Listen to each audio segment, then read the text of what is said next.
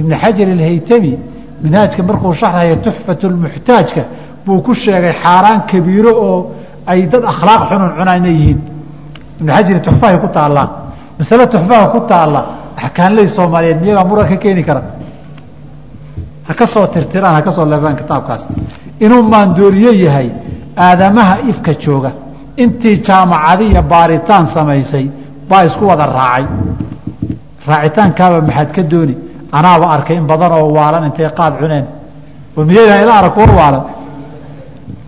Awey ninkii gaarisa iyadoo roob da'ay birta meesha boostada ee dheer kor nalka kaga yaalla habeennimo buu biyaha ka arkay. Kibriidkii baa ka dhamaaday suu qayilayay inuu sigaarka shituu rabaa intuu jilbaha dhigtay buu ka shilaysle biyo hoosta ka muuqdo. Ninkaas waa miir qaba halkaa kariyaakoo nineteen eighty eight waxaan ka soo qabanay mid ibriiq biyaa intuu kala soo baxay qolkii macawis iyo funaanad qaboo kaiyo kaba dacasa oo musqushii dayday kariyaakoo buu tegey ninka waa miir qaba ninka intuu jaakatkii ku kullaaday iska bixiyey oo musbaar dayday daqsi madow oo degan arkay ee musbaar mooday ee markuu duulay la daba socdeen muxuu la eegayaale ninka samiir qaba intaba waxaa iiga daraa intaba waxaa iiga daraa nineteen eighty six nin oday ah oo inalayaal ahaa baa soo qayilay. Markaasuu gurigii intuu yimid oo dharkii kale iska dhigay oo hal go-i qaatay buu dugsigii qur'aanka carruurta loogu dhigay intuu tegey oo xagga ridda lugaha dabadoo qaaba u soo duway oo madaxa iska saaray buu seexday. Markaasaa markii gabadhii intay walaalkay u tagtay waxay tii war ninkii anoo gaban garan lahaye saasuu yeeloo wuu baxay meeluu jiran warma hayo seedigii oo toor saddex qaada wata oo daydaaya baa dabada kaga qabtay. Seedigiina waan aqaanaa gabadhiina waan aqaanaa ninkana waan aqaanaa. Waxaan goobjoog ka ahaa haddaba aan ku soo gebagabeeyey nineteen eighty six. Anoo jooga magaalada ijaara. Hadda gobolka ijaara ee masalaani madaxda maaha magaalada ijaara townkeeda anoo jooga. Baan salaada cishaha ka soo dareeray. Nin meesha yaallo si u qosleeyey wadnuhu intuu xanuunay hadlilaa baan u nimid. War maxaa kugu dhacay ninkii sheekh hebel ahaa waa sheekhii waddanka dhan bay wada qayilayeen dhexda markuu joogo show sheekhana reexiidkii isku erkacsanaayeen dhexda markuu joogaa salaadii aadaankii masaajidkuu maqlay. Ibriiq biyuu soo qaatay. Gacanta midig buu dhaqay. Bidix ma dhaqin ogow. Wejiguu dhinaca midig dhaqay. Kaasoo gacanta midig dhaqay. Oo madaxa dhinaca midig masaxay. Oo lugta midig dhaqay. Intay kalama taaban markaasuu salaad galay. Bu allahu akbar. Yidi laba ragcadood markuu tukaday. Intuu qoslo soo jeesay hebelow xididkay waxna kala haysta ma maqashay? Isagoo gudaha ku jira oo daldalmaya oon midir qabin. Iyo kanoo naftu ay ka baxayso. Mid kaloon dadka aan qoslin ah baa la joogay kiina uu ka gurayo sheekada. Baan cishaha kadib u soo galay nineteen eighty six. Weli waxaan ma bishii september ama agost bay ahayd ninkaasaa miyir qabaan la dhahaysaan haddana waraada nimayaho soomaaliya caalamka gaalada waxaan ku soo arkay maandooriyaha madaxdoodu khamrigiiyo way la dhuundhuuntaan innaga laakiin madaxdeena maandooriyaha lagu sooraa waxaan kaga duwanay maarata gaaladii. Marka qaadku waa xaaraan. Wixii laga gaday laguma tukan karo. Waa maro xaaraana.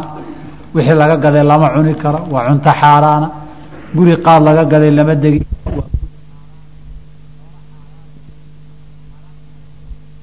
الرحيم الحمد لله رب العالمين وصلى الله وسلم على رسوله الأمين وعلى آله وأصحابه أجمعين ومن تبعهم بإحسان إلى يوم الدين أما بعد waxaan soo gaarnay kitaabu الصalaaة kadib markii cashirkii u dambeeyey aynu dhammaynay kitaabu طahaarة saynu horey usoo sheegnay bilaabgii tahaaradu waxay gogol xaar u ahayd. Oy shuruudeeda ka mid ahayd salaada. Haddaba say salaaddu asaxdo طahaaradii qofkii marka uu la yimaado waxa uu buuxiyey shardi ka mida ah shuruudda ugu muhiimsan ee salaaddu ay leedahay. Wixii intaa ka baxsan ee shuruuda abwaabu salaad dhexdeedaan ugu tegi doonaa insha allahu tacaala. Haddaba salaadu waa rukniga labaad ee arkaanta islaamka ama shantii islaamka lagu dhisay ee lagu saleeyey mid ka mida weeye waana midda nabigeena calayh salaatu wasalaam uu ku tilmaamay ra'su اlamri alislaamu wa camuuduhu الsalaa wa dirwatu sanaamihi اljihaad tiirka lafdhabarta diintan u ihi shahaadateynka oo afkana laga yidhi uurkana inay jiraan ay tahay waxa koobaadee weheliyee camal iyo ku dhaqan qofka islaamnimadiisa muujinaya kow ka ah waa salaada. Saas darteed baa qofku salaadii hadduu tukan waayo oo salaadii uu dayaco waa shaki badani ku jiraa inuu islaam sii ahaanayo haddaan wax kale loogu cudur daarin oo mar dhow uu soo islaamay iyo maba oga inay waajib ku tahay iyo wixii lamida walidaalika nabigeena ka sugan tahay calayhi salaatu wasalaam inuu yidhi bayna arajuli wa bayna ashirki waalkufri tarku salaa qofka iyo gaalnimada inuu gaal noqdo ama mushrik noqdo salaada ka tegitaankeedaa u dhaxeeya mar kalena waa ka yidhi alcahdu aladii baynana wa baynahum asalaa faman tarakahaa faqad kafar annaga iyo gaalada waxaana lagu kala gartee xarigga noo dhaxeeyaay waa salaadoo laga taga keliya waa salaada ninkii salaada ka tagana waa kufriyey oo diinta waa ka baxay buu nabigu calayhi الsalaatu wasalaam. Saddex ikhwaani wakhawaatii jamiican salaadu. Waatay soomaalidu yidhaahdeen salaad hala tukada loo kala kici waa. Waan taagtaa ma istaagi karo fadhi ku tuko. Weyse ma haysto biyo isticmaal biyona waan waayey sidaada ku tuko dharaan xidhaan wasacbada ku asturaan waayey. Haddaad dhar weyday qaawanaanta ku tuko. Salaadii xataa dagaal hadduu dhacayo ay xabadi socoto. Oradka ku tukaa lagu yidhi. Marka salaadii ka tegitaankeedu qiil ma laha. Qofka salaada tukan waayey dunida markuu joogo rabbi u sujuud laga waayeyna ma mudna in isagoo meyda la yidhaahdo ilaahay hala hor istaago. Waayo isagaaba diiday isagoo nool ilahay inu hor istaage waxaa la isugu dhibaya dadka ilaahay u hor istaaga loo yidhaahdaay khalad wey wuxuu cabdillahi bnu shaqiiq soo guurinaya oo taabici ah. Maanan arag buu yidhi arrin qofkii sameeya inuu diinta ka baxay saxaabadu ay isku raacsanaayeen oon ahayn salaad laga tago. Inta kale waxun baa khilaaf ka taagnaa. Laakiin salaad laga tegey in la gaaloobayo arrin ay saxaabadu muranba kama taagnayn buu yidhi. Qaarba waxay shaki geliyeen waxoogay inuu xudayfata bn yamaan radi allahu canhu wa ardaahu qabay in salaadaa laga tagay lagu gaaloobayo xadiidkii yadrusu lislaamu kamaa yadrusu sawmi bay waxoogay uga raarraadiyeen. Laakiin waxaan muran ku jirin ninka salaada ka tegay inay xaaladiisu adag tahay muran badan kama taagna. Masaladaa ma doonay intaa ka badan inaan sii dhexgalo laakiin waxaan rabaa inaan idhaahdo qof walow camalkaaga cibaadaadkaaga aakhiro wax lagugu xisaabo salaada ugu horey ninkii wanaajiye ilaaliyana waxaa kaluu ka sii ilaalin badan yahay. De ninkii salaadba dayacayna wax kaloo damboo laga sii sugi inuu hagaajiyaaban jirinba. Marka ikhwaani salaada ha lagu dadaalo. Shanta tiiree lagu dhisay islaamkay ka mid tahay. Qofka dhiiggiisii waxyaabaha lagu badbaadiyey ka mid tahay. Salaada yaan la dayicin oo yaan la fudaysan oon la dhayalsan salaaduhu waa laba qaybood. Qaybna waa faraa'id iyo waajibaad. Qaybna waa sunan iyo mustaxabbaat weeye qaybta faraa'idka iyo waajibaadkiihi waa laba qayboodo. Qayb la yidhahdo furuudul acyaan oo qof kasta oo shuruuddeedii laga helay laga doonayo. Iyo qayb la yidhahdo furuudulkifaaya oo dadka qaar inay sameeyaanu loo baahan yahay. Waxaa asaaskii waa furuudulcaynko wuxuu yidhi alsalaatu almafruudatu salaada waajibka laga dhigay khamsun shan wey salaadaha waajibka ee faradkiihi waa shan. Waana shantii nabiga alay slam leylat اlisraa wاlmicraaj sida bukhaari iyo muslim iyo keyrkoodba wariyeen nabiga lagu soo waajibiyey wey markii kor loo qaaday nabig alay slm habeenkii suurat lisraa bilowgeeda lagaga sheekeeyey konton salaadood baa lagu waajibiyey markii hore. Markii dambena huna khamsun shan weeyaa lagu yidhi ajirkooduna khamsuuna salaatan bay u dhigmaan. Oo alxasanatu bicashri amhaaliha wey halkii xasanaba toban bay u dhigantaa. Marka shan toban lagu dhuftay konton bay ajirkoodu ka dhigan yihiin baa lagu yidhi. Waa inta ugu yaree insha allahu qofka loo qoraye. Shantii salaadood afar iyo labaatankii saacba qofka laga doonayey shantaa unbaa wax farad joogto ah oo wareegga habeenkiiyo maalinta mar walba ku soo maraya shantaasaa jira. Waxa furuudulkifaayaha ahi wax yowmi oo maalinla-a ma jiraan. Laakiin wax munaasabada ku yimaada intay la ekaataba oo soona badan kara oo noqnoqon kara sida janaasada oo laga yaabo maalintii laba saddex jeer inay soo marto ama aynan maalmo iyo bilaba ku soo marin. Iyo wax sannadkii mar soo maraba oo khilaaf ka taagan yahay qaar ka mida saynu kitaabka ugu tegi doono insha allahu tacaala. Shantii salaadood buu wuxuu ka hadlayaa salaaduhu waqti bay leeyihiin. Salaadaha shanta laga dhigay waktiga afar iyo labaatanka saaca bay ku qeybsan yihiin. Labana qoraxdaa soo jeeda saddexna qoraxi ma soo jeedo. Waa duhurka iyo casarka labadaa qorax baa soo jeeda maqribka iyo cishihii iyo subaxana midi maalin bay ka tirsantaho waa subaxa sharcan. Laakiin haddana qoraxi ma soo bixinoo weli intaanay qoraxdu dhalan weeye ama ay dhacday kadib.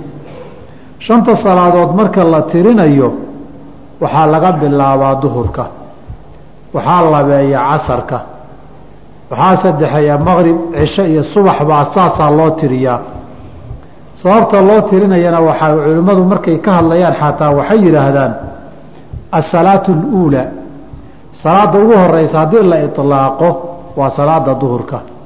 Sababta looga bilaabay tirada salaada koobaadna loogu magacaabay goortii nabiga calayh salaatu wasalaam salaada lagu waajibiyey sida loo tukanayo jibriil baa loo soo diray inuu shanta salaadood tukiyo waktigoodana tusoo maalinna uu tukiyo bilowga waktiga maalinna dabayaaqada iyo aakhirka waktiga uun qaybo kamida uu tukiyo. Wuxuu ka bilaabay labadii maalmoodba salaada duhur buu ka bilaabay salaaduhu tukinayay. Saas darteed salaaddii u horeysay ee nabigu calayh salaatu wasalaam uu tukaday jibriilna tusay faraa'idka shanta marka la waajibiyey ayaa salaada duhurka ahayd waxa lagu soo farad yeelayna habeennimay ahayd. Haddii lagu soo farad yeelay habeennimona dadka markii waagu baryey buu gaadhsiiyey salaadii duhur ee xigtay bay ka bilaabatay. Asalaatu اluulaa saasay kula baxday. Marka salaaduhu wakti bay leeyihiinoo nin walow waktigaa doonta tukan lama dhihin. Oo ilaahay baa yihi ina asalaata kaanat cala almu'miniina kitaaban mawquuta. Kitaab kitaaban farad weeye salaadu mawquutan xilli iyo wakti loo sameeyeyoo in waktigiisa lala eegta u baahan. Saas darteed salaadaha faradkiihi laba arrimood baa isa saaran oo faradkoodu yahay. Ficilkii salaada la imaatinkeedii allahu akbar ilaa assalaamu calaykum waa lagaa doonayaa. Waxaa labaadoo lagaa rabaa ficilkii keliya ma ahane in waktigii loogu talagalay aada ku samaysaa lagaa rabaa. Salaadaha la sada tukanayo iyo waktiga loo doortayna wax caqli iyo ijtihaad galana ma aha waxay aragtiya waxaa ila quman ka furan tahayna ma aha wax keliya matalaya weeye. In ilaahi subxaana wa tacaala uu addoommadiisii la yahay amarkuu doonee ku siiyana inaad qaadata ay tahay way adag tahay caqli ahaan inta anigu garanayo inaad ogaa inaad garato duhurkii markay tahay maxaa loo tukan oo ka hor loo tukan waayey? Maxaase hal la tukadee afar ragcadood looga dhigay? Qoraxdu markay dhacaysana saddex looga dhigay. Subaxa marka la tukanayana laba looga dhigay.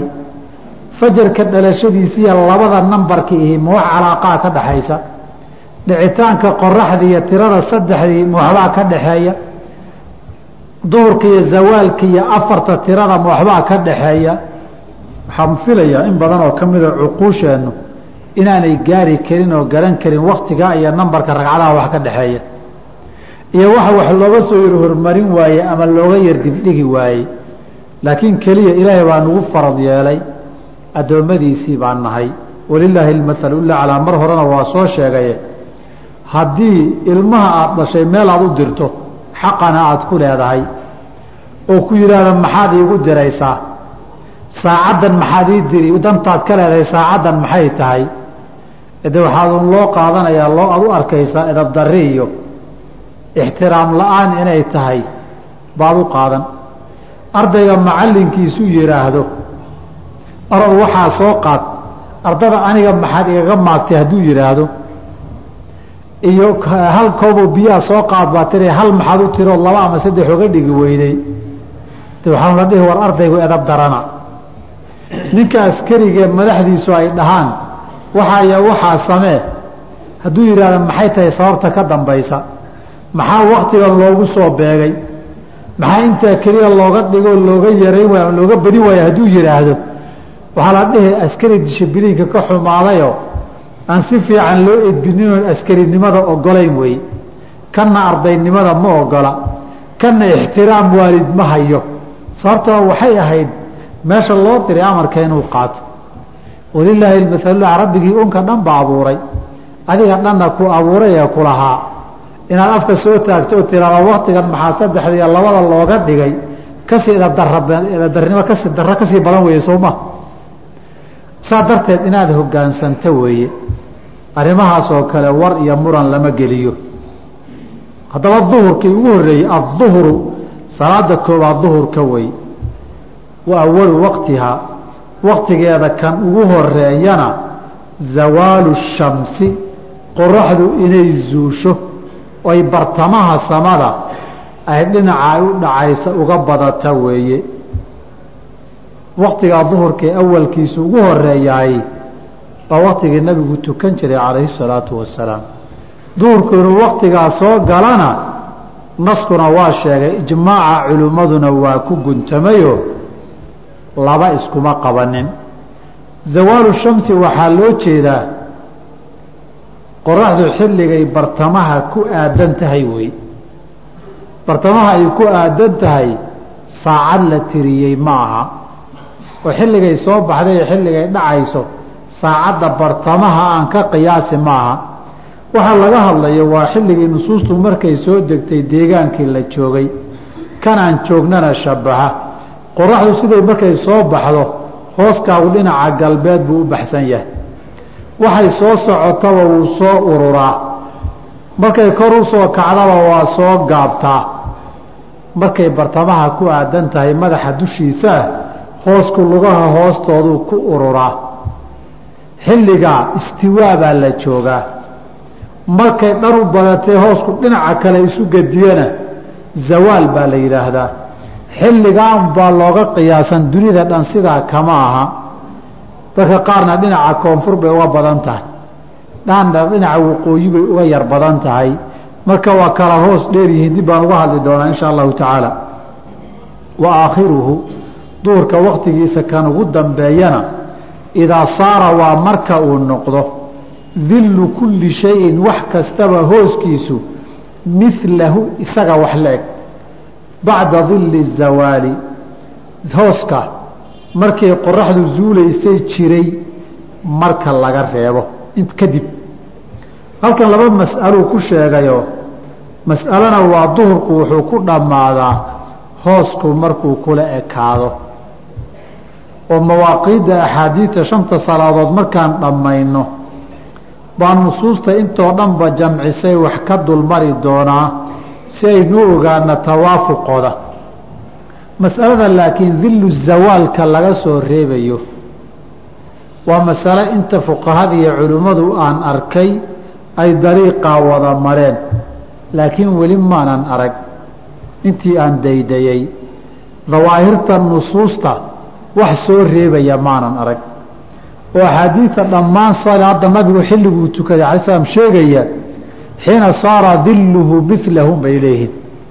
Hooskii markuu la ekaaday jumladan asiwaa fay-i zawaali iyo bacda dilli zawaali iyo alfaada riwaayaadka kuma arag. Marka kuwa daahirkooda haddii la eego wax soo reebaya ma arag laakiin culimmadu intaan arkay dhammaantood way soo reebayaanu marka masalada ijmaac hadday noqotona waa sideeda haddii kalena beldib ha loo fiiriyo. Anugu weli ma arag naskaasay ciddii aragtay hanoo faa'iideyso nabigu xilligaasuu tukaday. Walcasru casarkii weeye talabaad wa awalu waqtihaa waqtigeeda kan ugu horeeyana aziyaadatu waa inuu ka bato calaa dilli lmithli hooskii la ekaa inuu wax dheeraado weeye oo waqtiga duhurka iyo casarku xilli ay wadaagaan ma lahanoo duhurna joogo casarna joogo. ee duhurka markii uu dhammaaday hooskoo la ekaaday ku dhammaaday markii wax ku darsamaan buu casarku bilowday. saasuu rabaa inuu yidhaahdo. laakiin ereyga uu ku daree aziyaadatu inuu hoosku wax dheeraado ah ka mas'alo ahaan masalo daciifa weeye. Dhammaan daahirka nusuustuna waxay sheegeen in duhurka iyo casarku wakti ay isgalaan uu jiro. Waktiga duhurka iyo casarku xilli ay kulmaan baa jira. Labadii maalmood ee nabiga casan jibriil uu tukiyey maalintii hore casarka xilliguu tukiyey buu maalintii dambe duhurka tukiyey. Saa darteed labadan saaladood tadaakhul iyo isgelitaan baa waktigooda ka dhaxeeya nusuustana waa ka aqriyi doonaa insha allahu tacaala. Wa aakhiruhu aakhirka waktiga casarka fi likhtiyaari sida afdalka ee wanaagsan ee la doortay ay wanaagsan tahay inaanu ka daahini ilaa dilli lmilayni hoosku markii uu laban laab gaaro weeye. Hoosku laba jeer markuu kugu soo laabmo weeye. Si kale haddii loo dhigo qabla alisfiraari weeye. Intaan qoraxda midabkeedu isbedelin ilaan mar kastoo dhicitaanka ay u sii dhowaato midabkeedu waa isbedelaa. Intaan midabka isbeddel gelin weeye ereyga si kale haddaynu nidhaahno wa fi ljawaazi banaanaanta ilaa waktigeedu intuu bannaan yahayna ilaa guruubi shamsi. Qoraxda dhicitaankeeda weeye waxaana loo dariishaday masalada qoraxda dhicitaankeeda inay ku dhammaanayso. Xadiidkii abi hureyre ee saxiixeynka ahaayee man adraka rakcata min alcasri qabla an tagruba ashamsu faqad adraka asalaa qoraxda ninkii intaynan dhicin hal ragcad ka soo gaaraayey salaaddii wuu soo gaaray. Laakiin waktigaa in loo dibdhigo cudurdaar la'aan ma banaano dembi weeye haddaad caado ka dhigatana calaamatu nifaaqi weeye oo nabigay ka sugan tahay sida muslim iyo keyrkii wariyeen inuu yidhi qolyaha salaada aadka u dibdhiga tilka salaatu lmunaafiqi tilka salaatu lmunaafiqi taasi waa salaad munaafiqiintu tukadaan munaafiq dhaqankii weeye. Yejlisu yarqubu shamsa wuu fadhiisanayaa kolba qoraxduu fiirinayaayoo eegayaa xataa idaa kaanat bayna qarnay shayطaanin markii ay gaarta laba gees oo shaydaan oo dhicitaankii. Riwaayo kalaa sii fasirtay oo tihi xataa idaa tadayafat lilguruubi markay dhicidda qarka u saaran tahay ay marti u noqoto qaama fanaqara naqratayn. Intuu istaagu laba goor foorfoorsadaa laa yadkuru llaha fiiha fiihimaa ilaa qaliila wax yar mooye ilaahay dikrigiisana usu xusin oo foorfoorsado. Ilaahay dikrigiisa inaan la xusin salaada waktigeedana laga wahsado qur'aanku calaamaatu nifaaq soo kuma sheegin. Walaa ya'tuuna asalaata ilaa wahum kusaala. Iyagoon wahsanayuun bay salaada yimaadaan. Marka wahsashada salaada haddii aada caado ka dhigato waan iska qayilayey kolba qoraxda inoo fiiri ama shir iyo fadhi baa lagu jiray xaaje iyo gar iyo kulan siyaasadeed iyo tol iyo qabiil iyo waxaa dhahdaba qoraxda may weliba waxbaa laaban intii la yidhaahdo in salaada la dilo ma banaana dhaqan munaafiqiin weeye salaadoo sidaa loo dilo. Laakiin waktigeedii way unasixiyo faqad adraka alcasra casarkii waa soo gaaraydii abi hureyre saxiixeynka bugeli ma awqaadda waxbaan kaga soo noqnoqon doonaa masaa'il ah wاlmagribu maqribkii weeye ka saddexaad wa waqtuhaa waqtiga maqribka waaxidun hal mid weeyo laba waqti oo midna bilaabata midna ay dhammaata ma leh wahuwa guruubu shamsi qoraxdu inay dhacdo weeye wa bimiqdaari maa yu'adinu qadarka inta la aadaamo wayatawadau uu weysaysto wayasturu alcawrata kadibna cawrada uu asturto wayuqiimu salaata salaada uu tukado. oo wayusallii uu tukado weeye khamsa rakacaatin shan ragcadoodoo saddexdii faradka ahayd iyo laba sunno oo ka dambaysa ah intaasuu maqribku joogaa intaa wakti la-eg haddii la dhaafo salaadii way tagtay maqrib waa qowlkii jadiidka ahee shaafici baa loo tiiriyaa walow jadiidka laftiisa laba qowl uu leeyahay oo hal mid aanay ahayn markii kutubkiisii fii cahdi misra la akriyo qaarkood baa qiyaasay oo waxay yidhaahdeen soddon daqiiqa miyaa shan iyo labaatan daqiiqa miyaa ilaa afartan daqiiqo. Inahaasay dhex wareegaan. Oo hadda markii daqiiqada loo bedelo inta aada weysaysan ee aada labisan ee salaadaha shanta ragcadooda tukanayso qaar baa heer nusac kama badna.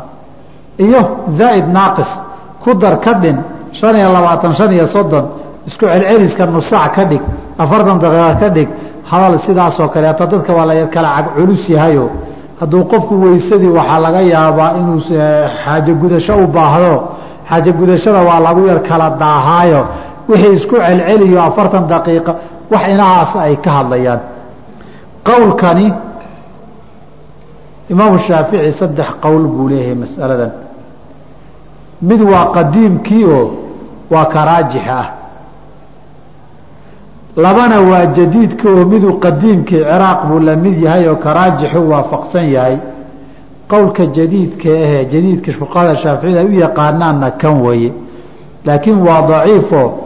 Axaadiidta waktiga salaada ka hadashay ilaa uu casaanku dhammaado oo casaanku uu dhammaado oo caddaan isu bedelo salaadii maqrib inay joogto baa halkaa laga gartay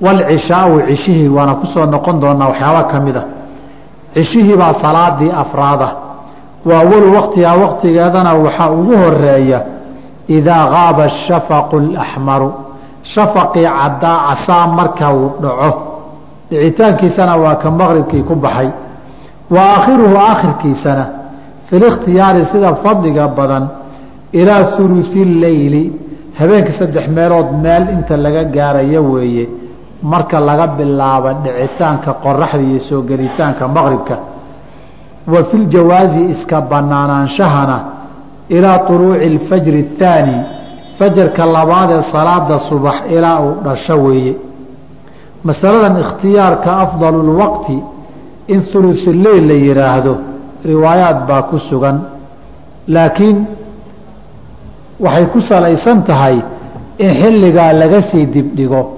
inaanay wanaagsanayn. Arrintaasina culimmada qaar ba waxay leeyihiin maya. Cishuhu waqtma ah leh. Waqtulikhtiyaar wax la yidhaahdo ee dhammaadkiisaa ilaa nisfi leyli ah. Akarka axaadiisu. Nusuusta nabiga ka sugan calayhi salaatu wasalaam. Salaada cishuhu goormay dhammaataa. Jawaabteedu waa ilaa nisfi leyli wey. Waktiga nisfuleyl ka dambeeya axaadiidta khaaska ah ee sariixa ahee cadcad ee tilmaamay salaada cishaha magaceeda goorma waktigeedu dhammaadaay inta aan arkay waa ilaa nisfi leyli wey ma jiraan hal xadiida intaan garanayo oo isku cad riwaayaadkiisao dhan mar marka la ysku ururiyo in nisfu leyl kadib salaad cisho ay asaxayso waktigeedii uu joogo la tukan karo laakiin jamhuuru ahlilcilmi waxay ku tageen sidanoo ila alfajri athaani laga gaaro. Maxay u daliishadeen isku soo uruuriyo waa laba salaa laba daliil weeye. Mid waa xadiidkii muslim iyo wariyeen abi qataade uu leeyahay nabigu calayhi salaatu wasalaam amaa inahu laysa fi nnawmi tafriiطun salaad hurdo kaaga tagay xadgudub ma ahayoo dhib mu samaynin qofkaasi ee waxaa dhib sameeyey qofkii salaad dibdhiga ilaa salaad kale waktigeeda yimaado. Ba waxay yidhaahdeen cishihii qofkii fajarku u soo gala unbaa dambaabi. Halkaasaan ka fahmaynaa bay yidhaahdeen. Fahamkaasi laba labadaba marka la eego waa faham daciifa wey marka koowaadee xadiidkani sidaa uu u yahay jamhuuri uguma dhaqmin oo qaar bay salaadaha ka soo reebeen oo maanay dhihin subixii inama atafriitu qofka aan tukanin weeye ilaa duhurku uu soo gala mayna dhihin. Ee qoraxdu soo baxday yidhahdeen qorax soo baxdayna salaad kala waktigeed ma iman. Oo kan maxaad sidaa u tiraahdeen markii la yidhi waxayna de adilo kalaa jirta oo ka soo reebtay. Waa wejka labaad ee kanna waxaa la yidhi adilo kalaa ka soo reebtay ee tanna maa qaadataan arrinta labaadi xadiidka cumuumka lama daliishado xukunka naska khaaskaa iska leh. Kani hadduuba mafhuumkiisaa cumuum noqon lahaa oo cumuum lagu fasiro salaadahoo dhan ah. Adilo khaasahoo salaada cishaha ah baa taalla. Marka khaaskaana laga hormariyay oo ka xoog badan caamka. Wejdaalisana waa looga jawaaba waa lagaga hadlayo. Waxaa la yidhaahdaa cumuumkan haddii aada sidaa dhihi lahaydeenba cumuumku waa laba qaybood. Waxaa la yidhahda alcaamu almaxfuud waalcaamu almakhsuus kani waa caam makhsuus oo labada qaybood weliba kee daciifka ahaa wey? In nusuus ilaa tobaneeye dhan oo nabiga rag kala duwan iyo saxaabo kala duwan ka warinayaan oo la leeyahay salaada cishaha ilaa goormaan tukan karnaa ilaa nisfi leyli uu leeyahay oo dhan in qashinka lagu daro oo silka laga tago oo la yidhaahdo kaa cumuumka labada nooc kii daciifkaha baan ka qaadanaynaaye lama socon karta qawaacidda istidlaalka iyo nusuusta khaaskaa camal siintooda. Marka ninkii jamhuur warkeedu waa sidaas daliilkooda labaad waa sheegi doonaaye ninkii doonaya wuxuu isku hubo waqti uu isku hubow bacda inan salaada cishaha kula gaarin. Xadiid labaad baan haysanaa bay dhaheen oo khaas ah oo cishaha ka hadlay baan haysanaa waxaa la weydiiyey xadiidkaasi waa kee waxay dhaheen xadiisu caaisha cinda alimaami muslimi fii صaxiixi ay leedahay ictama الnabiyu salى اllahu عalayhi wasalama daata leylati xataa dahaba caamaة اleyl waxay yidhaahdeen nabigu habeen buu salaadii cishaha dibdhigay ilaa caamaة اleyli caamatuleyli maxaa looga jeedaa bay dhaheen akaru leyli uu tegey. Oo xataa naama ahlulmasjidi ilaa dadkii masaajidkuwa wada seexdeen buu nabigu dubniga yidhahdeen kadib buu soo baxay oo tukado wuxuu yidhi innahu lawaqtuhaa lowlaa an ashuqa calaa ummatii ummaddayda inaan dhiba haddaanan ka baqaynin wakhtigeedii waa la joogaa xadiidka caamatu leyli macnihiisa waxay ku fasireen habeenka badankii. Tafsiirka sidaasoo kaleeto oo dadka qaarkii ku fasireen isla jamhuurtii lafteeda waktigaa dheeraan qabay baa diiday. Waxa loo diiday waa laba arrimood. Nabigu salaadaha uu dibdhigay dadka masaajidkuna seexdeen rag badaanoo saxaabada ah baa wariyey oo qisadan iyadoo faahfaahsan sheegay erayga nabigu markuu leeyahay innahu lawaqtuhaa lowlaa an ashuqa calaa ummatii qisadaa inuu yihina saxaabo badan baa soo guurisay. Saxaabadii soo guurisay dhammaantood. Waxay jumlada riwaayaadkoodu tilmaamayaan inay qabla nisfi leyli ilaa ulusi leyli inay ahayd. Waana qisada cumar uu dhihi jiray rasuulka ilaah naama nisaa wasibyaan haweenkii caruurtii baa seexday markaa weye markuu nabigu leeyahay waktigeedii baan dhihi lahaa cidaa idinkaah inuu soo jeedo tukanaysa maaha. Walidaalika imaamu nawowi wuxuu leeyahay waktigeedii xadiidkan wuxuu faa'iideyn lahaa haddii habeenkii badankii la dhaho in habeenka muntasafkiisa in laga dibdhigo ay fadli badan tahay. Cid muslimiinta culimmadooda warkaa tirina ma jiraan. Oo saa ka fahanta xadiidka. Marka caamatu luqa ahaan waxaa ka mida macaanideeda in akaru leyl la yidhaahdo kow waxaa caamatu ka mida macnaheedu habeen badan in la yidhaahdo in badan in la yidhaahdo labada macnoba hadday ixtimaal tahay nusuustii kaleoo dhanna nisfu leyl ay tiri guud ahaan cishaha ka hadlaysay. Tii qisadan ka hadashayna ilaa ulusuleyl qaarkood sheegeen. Haddee ixtimaalka labada macno midka daliil kale baa raajixoo xoog badan. Saa darteed qowlka jamhuurta ee ilaa uluuci alfajri athaaniya waa qowl daciifa laakiin culimo badan baa tiri wasubxu subxii baa shan ah shan ku ah salaadihii wa awalu waqtihaa waqtiga subaxa kan ugu horeeyana طuluucu اlfajri الthaani fajarka labaad markuu dhasho weeye wa aakhiruhu kan ugu dambeeya fi likhtiyaari sida fadliga badanna ila اlisfaari ilaa uu waagu ka soo caddaado weeye oo qofka iyo geedka la kala garto oo meeshaan nalka lahayni qofku qofka garabkiisa fadhiya wejigiisa uu garto wa fi ljawaazi banaanaanshahana ilaa طuluuci shamsi qoraxdu intay ka soo dhalanaysa weeye salaada subax waktigaasay soo gashaa ilaa isfaarka in la geeyo ugu dambaystii inay fadli badan tahayna waa xadiidkii abi mascuud اlansaari radia allahu canhu waardaahuye imaamu abu daawuud iyo طaxaawi iyo daara quطni iyo wariyeen ee xasanka ahaa kaasuu nabig ala slam abu mascuud alansaari wuxuu leeyahay nabigu maalin buu wuxuuna tukiyey xilli mugdi oo hore. Maalinkii labaadna wuu waaberiyo markii wax la arkay buu tukiyey. Intaa wixii ka dambeeyey salaada mugdigiibuu ku celiyey xataa maata sala allahu calayh wasalam ilaa nabigu u geeriyooday. Ibnu mascuudna waa ka saxiixaynka iyo keyrkooda ka warinayaan anuu weligay ma arag nabigoo salaad wakti aan waktigeedii ahayn tukanaya. Laba salaadood ma ahane. Midi waxay ahayd salaada subaxo mugdi buu tukan jiray. Haddaba xadiid kale asfiruu biاlfajri fainahu acdamu liljri baa asaxu tafaasiir waxay tahay in fajarka salaada aan la khafiifinine sidii nebigu samayn jiray la dheereeyo. Saas darteed markuu iftiimo dhulku ee qofku qofka garabkiisaa garto geedkiiyo dadkana la kala gartana salaadii laga baxo. Uu su nab sl samayn jiray ahayd maa bayna sitiina ila almia. Lixdan ilaa boqol aayadood buu ku aqriyi jiray wey. Ilaa uluuci shamsi inay joogtana waa xadiidkii saxiixeynka abi hurayre man adraka rakcata min asubxi qabla an taluca ashamsu faqad adraka subxadii wey. Subxii waad haleeshaydaasa xadiidkaasa u daliila cumuuman awqaada salaadaha axaadiid badan baa soo ururisay oo jamcisay waxaa ka mid a xadiid jaabir oo nabig alay slam uu ka tilmaamayo leeyahay fasalla duhra jibriil baa u yimid faqaala lahu qum fasallih istaagu tuka baa la yidhi igu dayo fasalla duhra xiina zaalat الshamsu qoraxdu markay zuushay buu tukaday uma jaa'ahu اcasr casarkiibu haddana u yimid faqaala qum fasallih istaagoo tuka buu yidhi. Fasallaa xiina saara dillu kulli shayin milah wuxuu tukiyey. Markuu wax kastaba hooskiisu soo gaaray.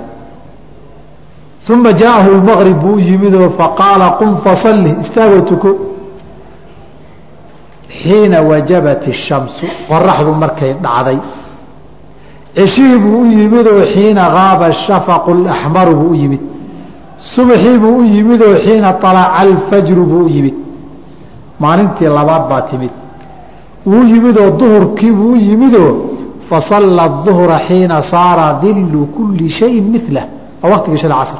Riwaayadka qaarkood baa ku dareen waqta alcasri bilamsi.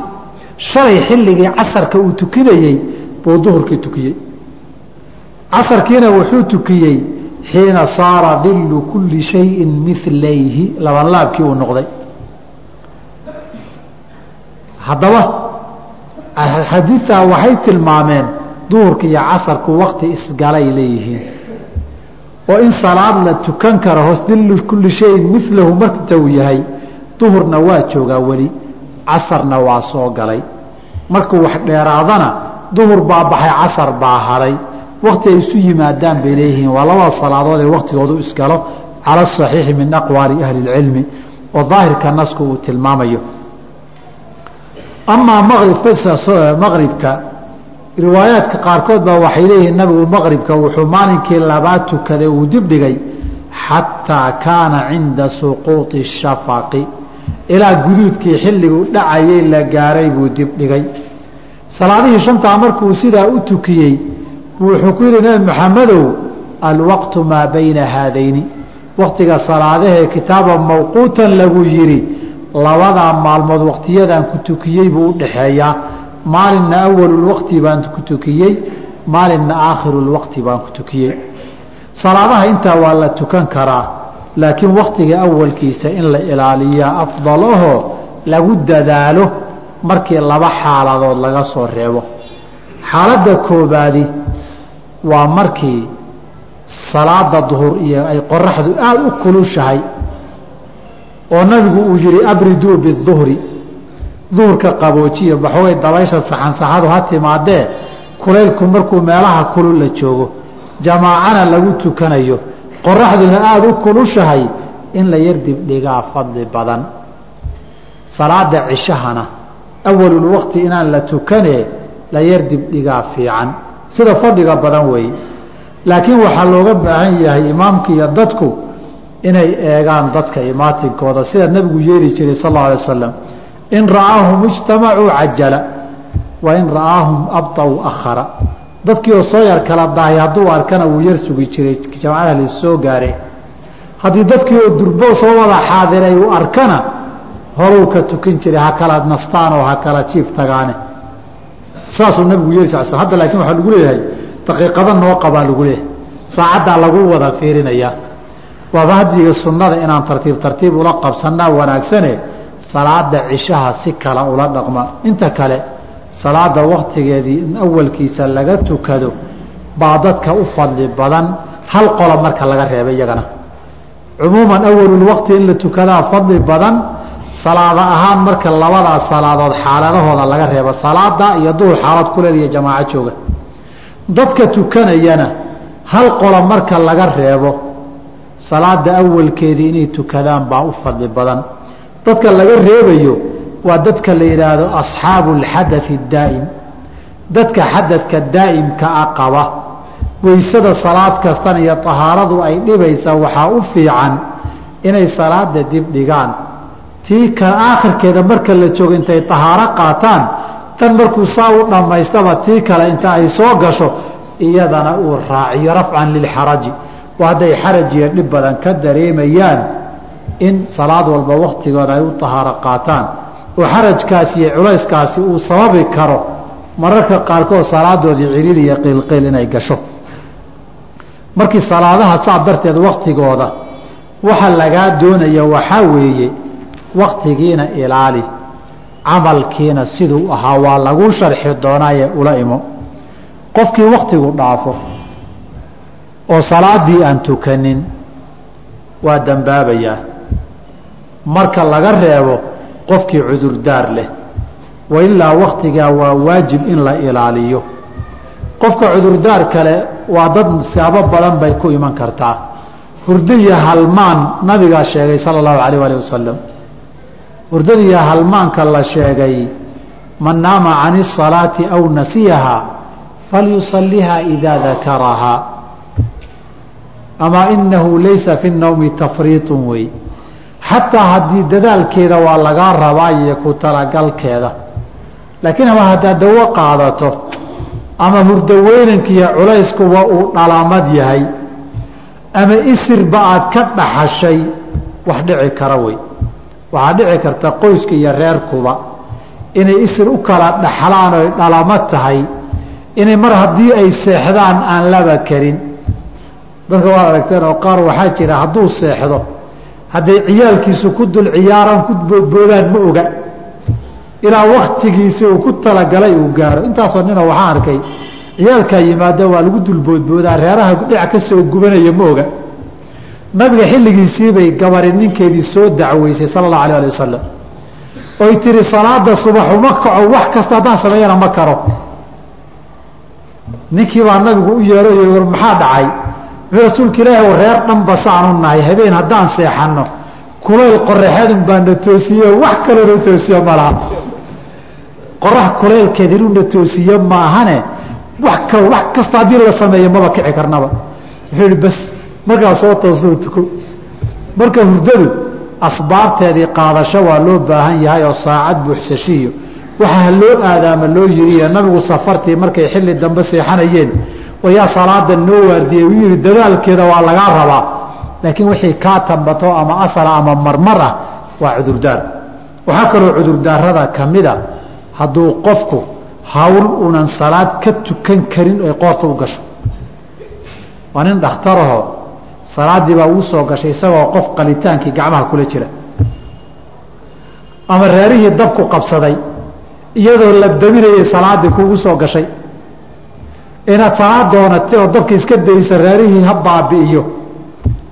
Yaa leelahay inaad salaaddii ma weyse qabtid haddaad weyse haddaad iska tukan lahayd. Oo fain khiftum farijaalan aw rukbaanan aad dhihi lahayd inaadan weyse qabin baa dhici karta. Qof baa biyo ku baktinaya inaad badbaadisaad rabtaa salaadiina way soo gashay. Xaalaad waxaa jiray leeyihiin laysugu cudurdaaraya waxay asal uga dhigayaan qisatu lkhandaq nabigu calayh salaatu wasalaam salaado dhowra waa kay ka tageen. Ereyadu keliya waxaa ka mid ah ilaahay qubuurtooda iyo calooshoodaba naar ha ka buuxiyo. Shaqaluunaa can salaati alwusطaa salaati اlcasr way naga mashquuliyeen buu yihi mashquulintaasay culimo badani ka qaateen xaalaatu daruura inay dhici karto. Calaa kulli xaal xaaladaha cudurdaarka sidaas oo kaleeta a maahane salaada waktigeedii inuu baxo maaha. Faslun wa sharaa'iطu wujuubi salaati. Shuruudda salaada waajibkeedu uu ku xiran yahay alaaثatu ashyaaa saddex weeye. Saddexdaa ma labo mise mid. Laba waa siday u yidhaahdeen midna warkan fuqahadu kii iyaga laftoodu usuulka markay qorayeen la socon kari maayo. Waana kan ugu horreeya alwalu alslaamu qof islaamay salaadii ku waajibtaa. Soo tii la isku ogaa maaha gaaladu waa mukhaaabuuna bifuruuci shariica. Shariicada salaadeeda iyo zakada soonka waa laga rabaa. Soo kii jamhuuriya shaaficiya la isku ogaa maaha iyagu waxay ka hadlayaan marka haddan waajib laga dalbayo lagu daba istaagayo qadee la axkaam cuquubaada ka dhalanayaan kow waa inuu islaam yahay. Laakiin kan usuuliyiintu ka hadlaan waa kan aakhiro oo aakhiro waa loo ciqaabi. Waayo maa salakakum fii saqara markii naarta maxaad u gasheen? Maxay ku jawaabeen qaaluu lam naku. Maanaan tukan jirin bay dheheen oo muslim bay dadkani maya maxaa u daliila? Aayaadka hore u soo akriya kunaa nukadibu biyowmi diini sooma qiyaamaba maanaan rumaysnayn. Nimaan qiyaamo rumaysnayn ma islaamba hatuu haddaa soo islaamay dib buu ka gaaloobay cudurdaar hadduusan lahayn saas darteed alislaamu qofku waa inuu islaam yahay salaada laga dalbayo ee tukan la leeyahay ee loo dabagelayo ee loola xisaabtamayo kow. Wاlbuluuqu inuu qaangaar yahay wey islaamku shardiga koobaad weeye qaangaarkuna shardiga labaad weeye oo ilmaha sabiga a laguma laha. Wاlcaqlu inuu caqli leeyaho wax kala garanaya weeye. Wa huwa kaasina saddexdaasi xaddu takliifi. Takliifta qofka laga dalbayee lagu daba istaagayo xadka ay ka bilaabatee shardiga mid walba u ah wey soonkii waa shardi xajkii waa shardi salaadii waa u shardi zakadii waa u shardi saasuu rabaa inuu ku yidhaahdo.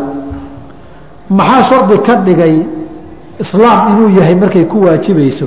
Xadiidkii mucaad ibni jabal maadan akrin yaman loo diray miyaa? Falyakun awala maa tadcuuhum ilayhi shahaadatu an laa ilaaha ila اllah wa anii rasuulu اllah fainhum ajaabuuka lidaalika ama aaacuuka fii daalika. Arrintaa hadday kaa yeelaan kadib fadcuhum faaduu soo tartiib maca tacqiiba maaha inay kala horeeyaan bay keeni soo maaha fadcuhum faakbirhum ana allaha qad iftarada calayhim khamsa salawaati fi اlyowmi wاleyl haddaba salaadu waxay ka dambaysaa islaamnimada caqliga iyo buluuqana waa xadiidkii صaxiixa ahaa ee nabig alay slam rufica alqalamu can alaaثatin saddex waxba looma qoro can الnaa'imi xataa yastayqin wa can الsabiyi xataa yaxtalim. Sabigu ilaa u qaan gaara waxba looma qoro. Anaa dembi looma qoro weeye laakiin hadduu mumayiz yahay ajirka waa loo qori. Wa ilmajnuuni xataa yacqil. Qof waalan ilaa wax kala garto. Qof waalan salaad isaga tukana la dhihi maayo kana asixi mayso. Dib ka soo qadeena labadoodaa mid saddexdoodaa midna la dhihi maayo saddexdaa shardi marka la helo bay salaaduhu waajibaan faradka. Ah laakiin saddexdoodu ma sinna. Islaan hadduunan ahayn salaadi kama asaxdo waman yabta ilaahi subxaana wa tacaala waa kii yidhi waman yabtagi hayra alislaami diinan falan yuqbala minhu. Islaamnimo la'aan qofkii diin keliya xadaydaya laga aqbali maayo waxaa la isweydiiye laakiin nimaadan islaamnimo ko weynoo tukanaya haddaad aragta maxaa dhihi? Wuu islaamay. Salaad dhexdeedu ku islaamay oo see ugu islaamay? Markuu atixiyaadsado ashhadu an laa ilaaha ila allah wa ashhadu anna muxamadun rasuulu llahi soo dhihi maayo. Markuu islaamayo muxuu dhihi lahaa? Walidaalika salaad ninkii tukada dhexdeeda markuu marayo tashahudkaa uu maray buu islaami. Baa xukmulislaam la siin salaaddii markii laga baxan islaam ma ahayn hadduu yidhaahdo. Waad ciyaari baa la leeyahay ama salaadaha iyo cibaadaadka wad ama xukmu riddaan kugu xukumaynaa iyo salaad taariku salaad qoorta lagu dheeray berri kama tegi karti horta xarigga u dabci way ha soo gale. Markuu soo galay xaji waa dhex fadhidaaye meelaad ka noqoto ma joogtide. Hawsha sii dhammaystira dheh. Waa u aadaamay waa masalatuulaadaan oo kaleeto. Nin gaal ahaabaa yidhi waan aadaamiya ka taga. Waxaa la leeyahay orod aadaan waa yahay annagu adaanka dib baan kaga ceshan doonaaye ashhadu an laa ilaaha ila allah ashhadu an laa ilaaha ila allah ashhadu anna muxamadan rasuul shahaadateynkii waa qaray maaha salaada tukana le xaaji. Aniga islaam ma ahayne haddaad shahaadadaad ku islaamta haddii kale xad baa lagaa fulin. Meelaad ka noqoto ma joogtid sababa kumaadan dhawaaqin. Soo laguma maqlaynin shahaadateynka markaad ku dhawaaqday horay cibaadaadkii kale u samey haddii kale maxkamaddaa lagu geyna de haddaan samayna daacadiga ahayn daacadnimada adiga rabbigaaba idiin taallaayo kaala xisaabtamiye annaga axkaamtii diintoo laga tegay daahirka ma arki karo safka gal waliaa qabso. Si fiican safka u gal. De laakiin waa xukm lislaam iyo sayf lislaam markay taagan tahay bay arrintaas si fiican wax u qaban kartaa. Saas darteed ninka majnuunkaana kamaba guntantaba laakiin ninka ilmaha sabiga ah hadduu tamyiiz gaaray waajib kuma ah laakiin way ka asixi umuruu awlaadakum bisalaati wahum abnaau sabcin baa layidhi wadribuuhum calayha wahuwa abnaau cashrin salman tobanna ku garaac markuu tukan waayo toddobada tukada tuka dhaha saa darteed sabiga mumayiskaa salaadu way ka asixi labadan kale laakiin kama asaxdo nacam wsalawaatu almasnuunaatu wasalawaatu salaadaha almasnuunaatu ee la sunneeyey khamsun shan weeye salaadaha sunnada waaweyna shan salaadood weeye labada ugu horeysa alciidaani labada ciidood salaadaha la tukada weeye. Wa ciidu ulfitri iyo ciidu ladxaa ah waalkusuufaani labada madoobaad weeye kan qoraxda iyo kan dayaxa. Walistisqaau salaada roobdoonta loo tukada weeye shantan waxay fuqahada shaaficiyada iyo jamhuuru lfuqahaa say u badan yihiinba ay leeyihiin waa wada sunan. Inta onugahay wax khilaafoo saasa sunanimada salaatulistisqaa kama taagna inay sunno tahay. Laakiin ciidaha iyo labada madoobaad inay sunno yihiin muran badan baa ka jira. Mid walba baab bay ku iman doontaaye in shaa allahu tacaala meeshoodaan kaga hadli doonaa haddii alla yidhaahdo. Shantan waxa uu gaarka uga soo dhigay salaadaha sunankaa waa badan yihiine waa salaadaha ay habboon tahay. Nabigeenuna calayhi salaatu wasalaam weligii aanu si aan si ahayn u samaynin jamaaca la'aan. Salaadaha waa salaad jamaaca leh oo keligood salaamo madax bannaan oo taagan ah salaadahan madax bannaan ee taagan ee weligii nabigu jamaaca la'aan aanu tukan sifaadka ay wadaagaan culimmada qaarkoodna qaybo kamida waa waajib ay yidhaahdeen buu halkan ku keenay mualifku raximah اllahu tacaala. Laakiin faahfaahinteeda abwaabteeda markaan ugu tagno baan mawaajibba mise waa sunno siday fuqahadan sheegeen wax ka tilmaami doonaa adilada kala duwan haddii alla yidhahdo wasunanu salaadaha sunankaa ataabicatu raacsan lilfaraa'idi faraa'idka raacsan sabcata cashara rakcatan toddobiyo toban ragcadood weeye salaadaha la tukado ee sunanka ah ee rawaatibta la yidhaahdo ee shanta salaadood ee faradka ama ka horreeya ama ka dambeeya bay laba qaybood ka dhigeen qayb sunna qayb mu'akada la yidhaahdo la adkeeyey iyo qayb hayru mu'akada la yidhaahdoon la adkaynin. Qaybta la adkeeyey waxay dhaheen waa toddobiyo toban ragcadood. Qaybta aan la adkaynna waxaan filayaa inay tahay ilaa laba-iyo toban ragcadood. Say iyagu yidhaahdaan ama waa iska sideed ragcadood kuwa casarka haddii laga reebo wuxuu yihi ragcata alfajri labada ragcadood ee fajarka iyo salaada subax ka horreeya nabigu calayh salaatu wasalaam waxay ahaayeen labada ragcadood ee ugu dadaal badan yahay wixii sunno ah weligiina kama tegin fii safarin walaa xadarin. Safar iyo nagaaditoona kama tegin.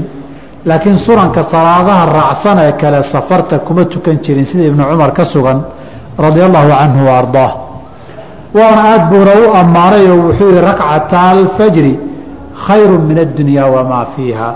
Labadaa ragcadood ee salaad subax ka horreeya yaa adduunyada waxa ku jiroo dhan ka khayr badan. Labadaa ha lagu dadaalo. Waxaana sunnaa marka la tukanaya in lagu aqriyo ragcadda hore faatixada kadib qul yaa ayuha alkaafiruun ragcadda dambena faatixada kadib qul huwa allahu axadun ama ragcadda hore in lagu akriyo suuradde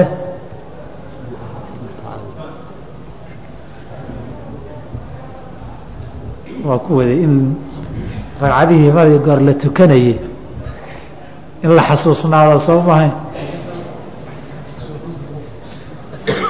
ragcadda hore maxaa sunaa in lagu akriyo qul yaa ahla اlkitaabi tacaalow ragcadda labaadna? Taana waa sunno quluu aamanaa in lagu akriyo wa arbacun afarna qabla duhri duhurka ay ka horeeyaan wa ragcataani laba ragcadoodna bacdahu ay ka dambeeyaan. Duhurkii haddaba lix baa ku lamaan afar hore iyo laba dambe. Waana bukhaari oo wuxuu leeyahay caaisho kaana laa yadacu arbacan qabla duhri. Labada afartaa ragcadood kama tegi jirin iyo labada subaxa ka horreeya mararka qaarkoodna nabigu calayhi salaatu wasalaam wuxuu tukan jiray duhurka kadibna laba ragcadood buu tukan jiray bay yidhaahdeen. Oo nabigu alayh salatu slam ragcadihiisii markii la tirinayo wa rakcatayni bacda duhri muakad wey waxaa sugan afar in laga dhiga duhurka kadib. Waa xadiidka ummi xabiiba nabigu yidhi qofkii xam xifdiya ee joogteeya afar duhurka ka horeysa iyo afar ka dambaysa ilaahay naarta jirkiisa waa ka xaaraantinimaynaya. ee wax buryana aan la iman baa meesha ku lamaan. Laakiin haddaad tidhahdaan u duhurkaba tukan maayo afarta iyo afartaan baan tukani naarna ay taaban mayso warkaa war socon maaha. Wixii kale laga rabayna la yimaada. Wixii kalena iska ilaaliya. Fadligeedaa laguu tilmaamayaa haddaba halkan kuwaan mu'akadka ahayn laba duhur ka dambaysaa kaaga soo baxday laba dheh kuwii kalena tirso sideed baad maraysaa lix duhurka ku lamaan oo afar hore iyo laba dambe iyo labadii fajarka. Wa arbacun afar qabla alcasri casarka ka horreeya waa xadiidkii tirmidi wariyey ibni cumare raxima allaahu mra'an sallaa qabla alcasri arbacan afar buu casarka ka hor ninkii tukada. Naxariistii alla allaha siiya buu nabig alay slat slaam afar markii lagu daray sideeddii waa labiyo toban wa rakcataani laba ragcadoodoo bacda almagribi ka dambeeya. Iyagana sunno wey. Labada bacda almaqrib ka dambeeya sunanimadoodana nabiga alay sl in badan ka sugan tahay inuu tukan jiray. Oo bacda almaqribi inta badan gurigiisa uu ku tukan jiray waa saxiixeynka iyana waxaa sunnaha in lagu akriyo ragcadda horena qul yaa ayuha alkaafiruun ragcadda labaadna qul huwa allaahu axadun faatixada kadib. Waana xadiiday sunanka iyo kayrkood wariyeenoo ibnu mascuud iyo ibnu cabaas ba laga wariyey. Ibnu mascuud wuxuu leeyahay waxaa nabiga ark maqlay maa uxsi in aanan tira koobi karin. Isagoo labada ragcadood ee maqribka ka dambeeya iyo labada subaxa ka horreeya ku aqrinaya qul yaa ayuha alkaafiruun iyo qul huwa allahu axadun ku aqriyaya in aanan tira koobi karin baan arkay buu leeyahay nabiga sala allahu alayh alih wasalam xadiidkaasoo saxiixii wuxuu tilmaamayaa wixii lagu aqri lahaa. Halkaa waxaan ka tagnay iyadana oon mu'akad ahayn rakcataani qabla almagribi laba ragcadood oo maqribka ka horreeya oy saxiixa ku taallo fii saxiixi albukhaariyi inuu nebigu yihi salluu qabla almagribi salluu qabla almagribi salluu qabla almagribi liman shaa maqribka ka hor tukada maqribka ka hor tukada maqribka ka hor tukada kadib buu yihi liman shaaa qofkii doona. See waajib loo moodin. Walidaalika imaamu nawowi muakadaadka aynan shaaficiyadu ku darin darteed baa fii matni minhaaj markuu marayey buu labada ragcadood wuxuu yihi wa fi saxiixi almru bihimaa in lays amraa ku aroortay labada ragcadood wa alaaun saddexna intii hore labaiyo tobankii laba lagu daray waa afar iyo toban. Afar iyo tobankaas wa alaaun saddexna bacda alcishaai cishahay ka dambeeyaan. Yuutiru wuxuu watar ka dhiganayaa ku watrayaa biwaaxidatin hal minhuna saddexdaa ka mida. Watarkiibuu ka dhiganayaa. Laakiin raatibada salaada la socotaay halkaa waa un laba. Saddexdan haddii